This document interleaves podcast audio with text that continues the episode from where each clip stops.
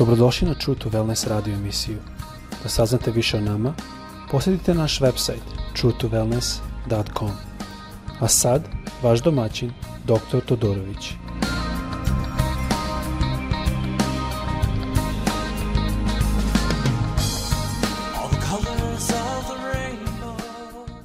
Ljubazni i dobrodošli na naš podcast. Ovo je sada treći deo da gledamo i da smo počeli gledajući što je Isus rekao u Jovanovoj e, evanđelju e, po Jovanu, 37. E, glava, 37. stih, da kaže poslednjeg i najvažnijeg dana praznike Isus tada i povika Ako je neko žedan, neka dođe k meni i neka pije.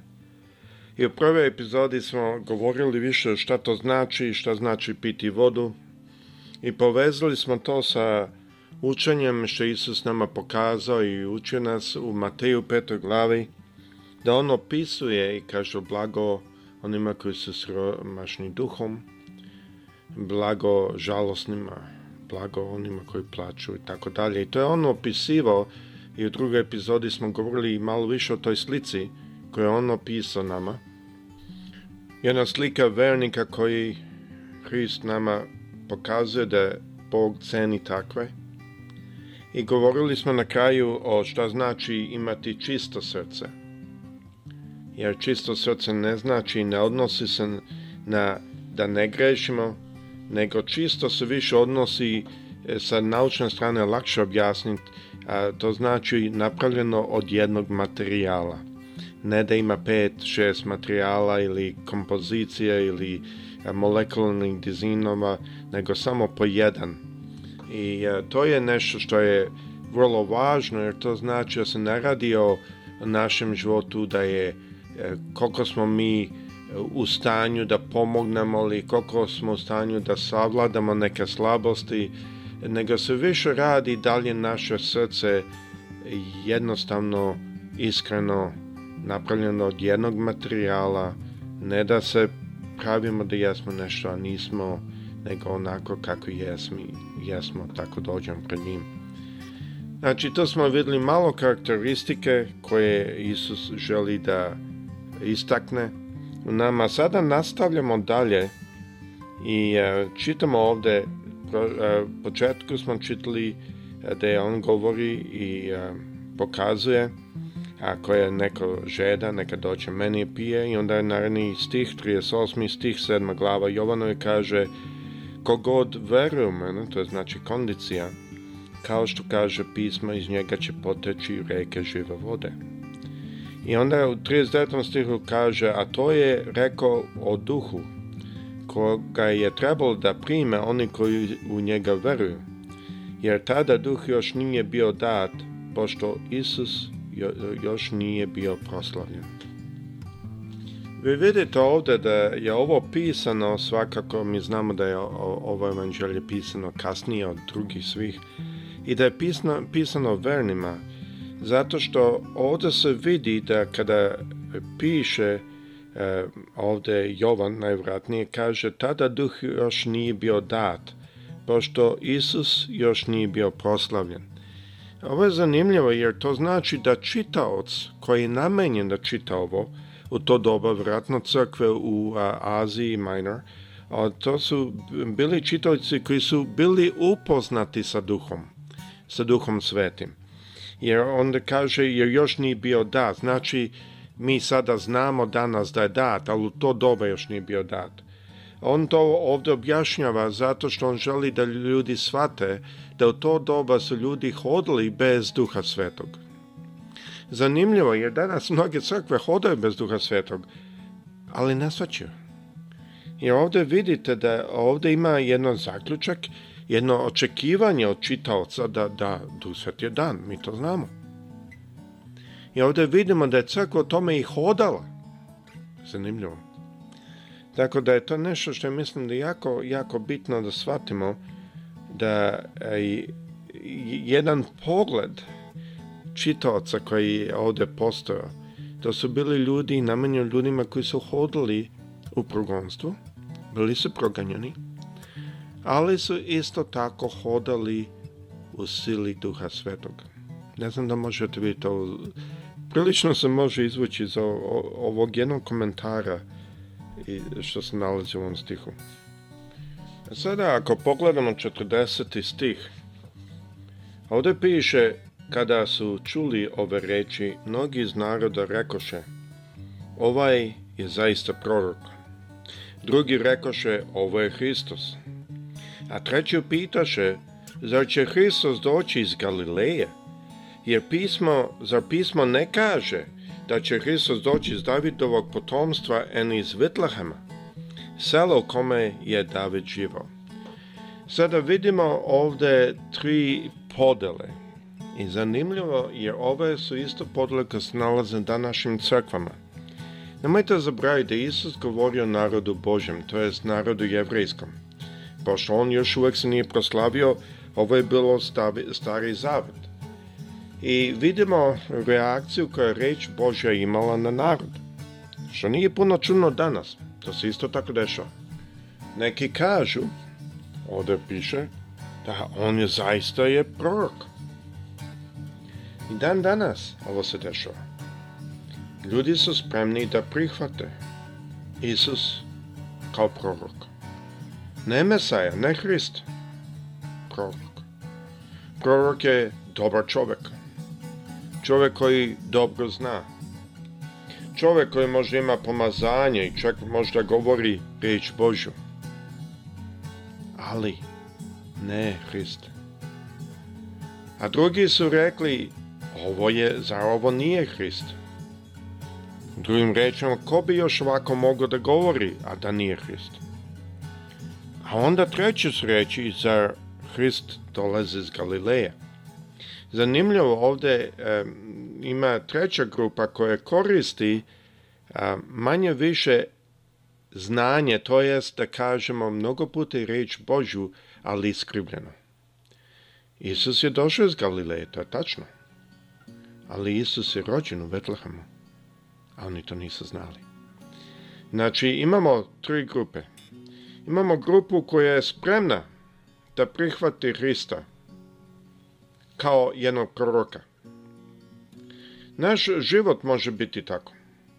Mi možemo prihvatiti Hrista sa našim razmišljanjem, čak i govoriti gospode, ali da nema nekakav super, vanprirodni element u našem životu.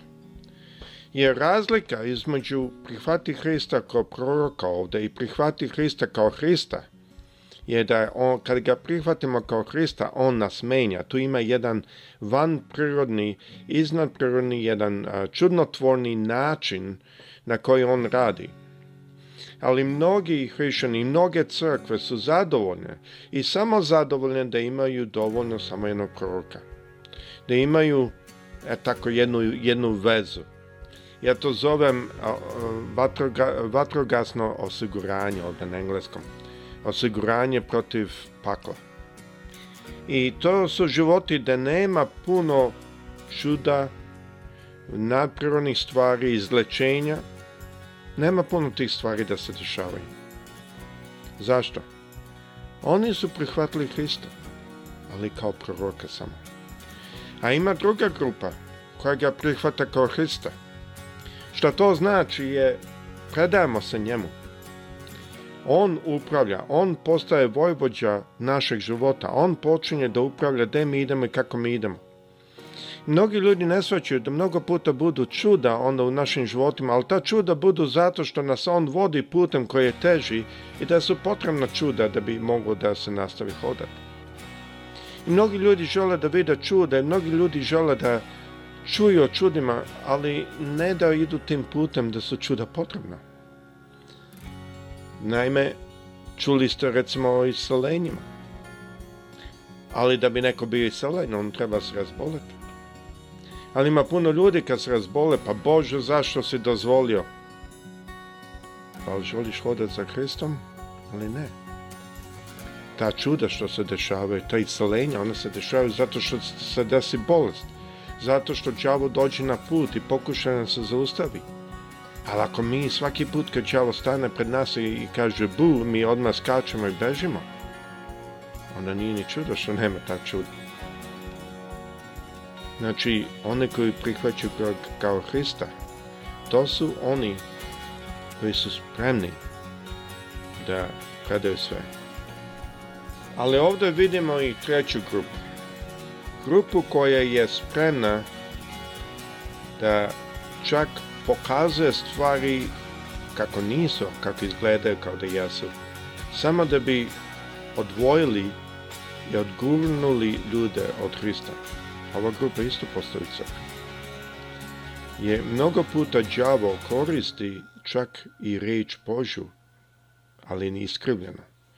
Vi ste vidjeli kad je došao đavo i a, rekao Isusu, skoči sa odavde, sa vrha ove, ovog hrama. Jer je pisano, Anđeli će te čuvati podići da ne bi nogom zakapi. Da, ali što je Isus rekao? Isus rekao, da, ali je pisano isto. Nemoj da iskušavati Boga, gospoda svog. Isto. Znači, mnogo puta se desi da đavo dođe i sa reči Božom, ali uvek je iskrivljeno. Ovde vidite da kaže, pa on je došao iz Galileje.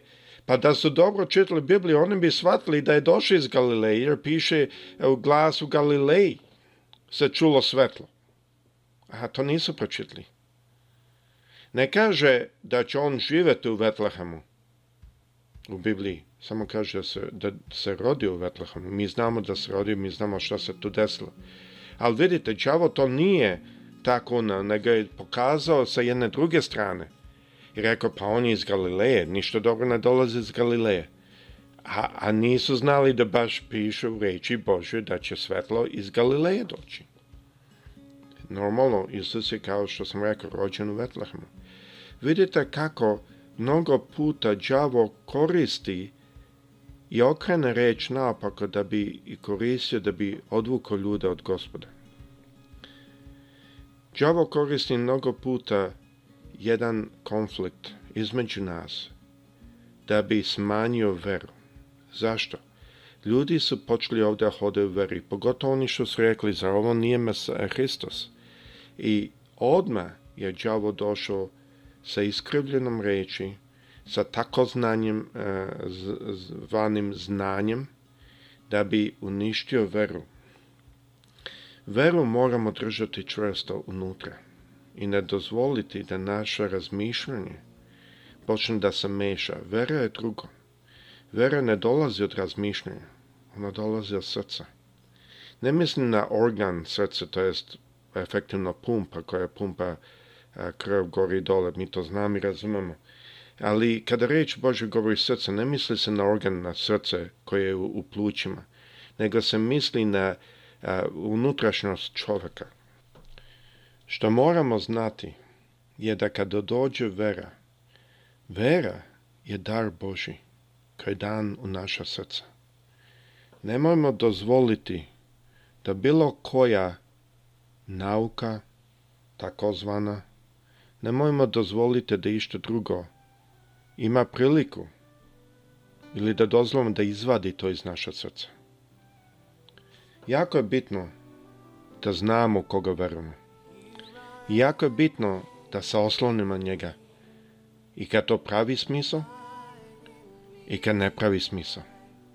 Jako je bitno da sve njemu predamo. I kad pravi smisao, i kad ne pravi smisao.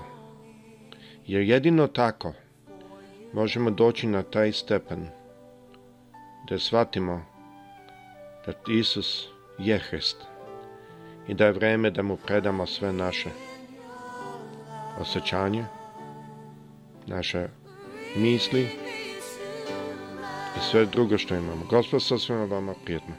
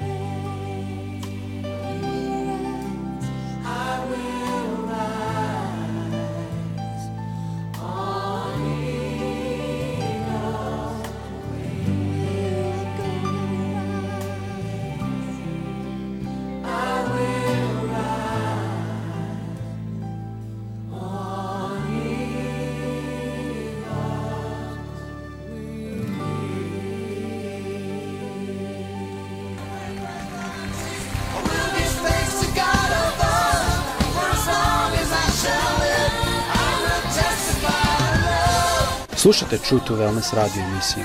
Pridružite nam se ponovo svaki utorek i subotu. Za kontakt molimo posjetiti naš website truetowellness.com. Naša e-mail adresa je info at truetowellness.com.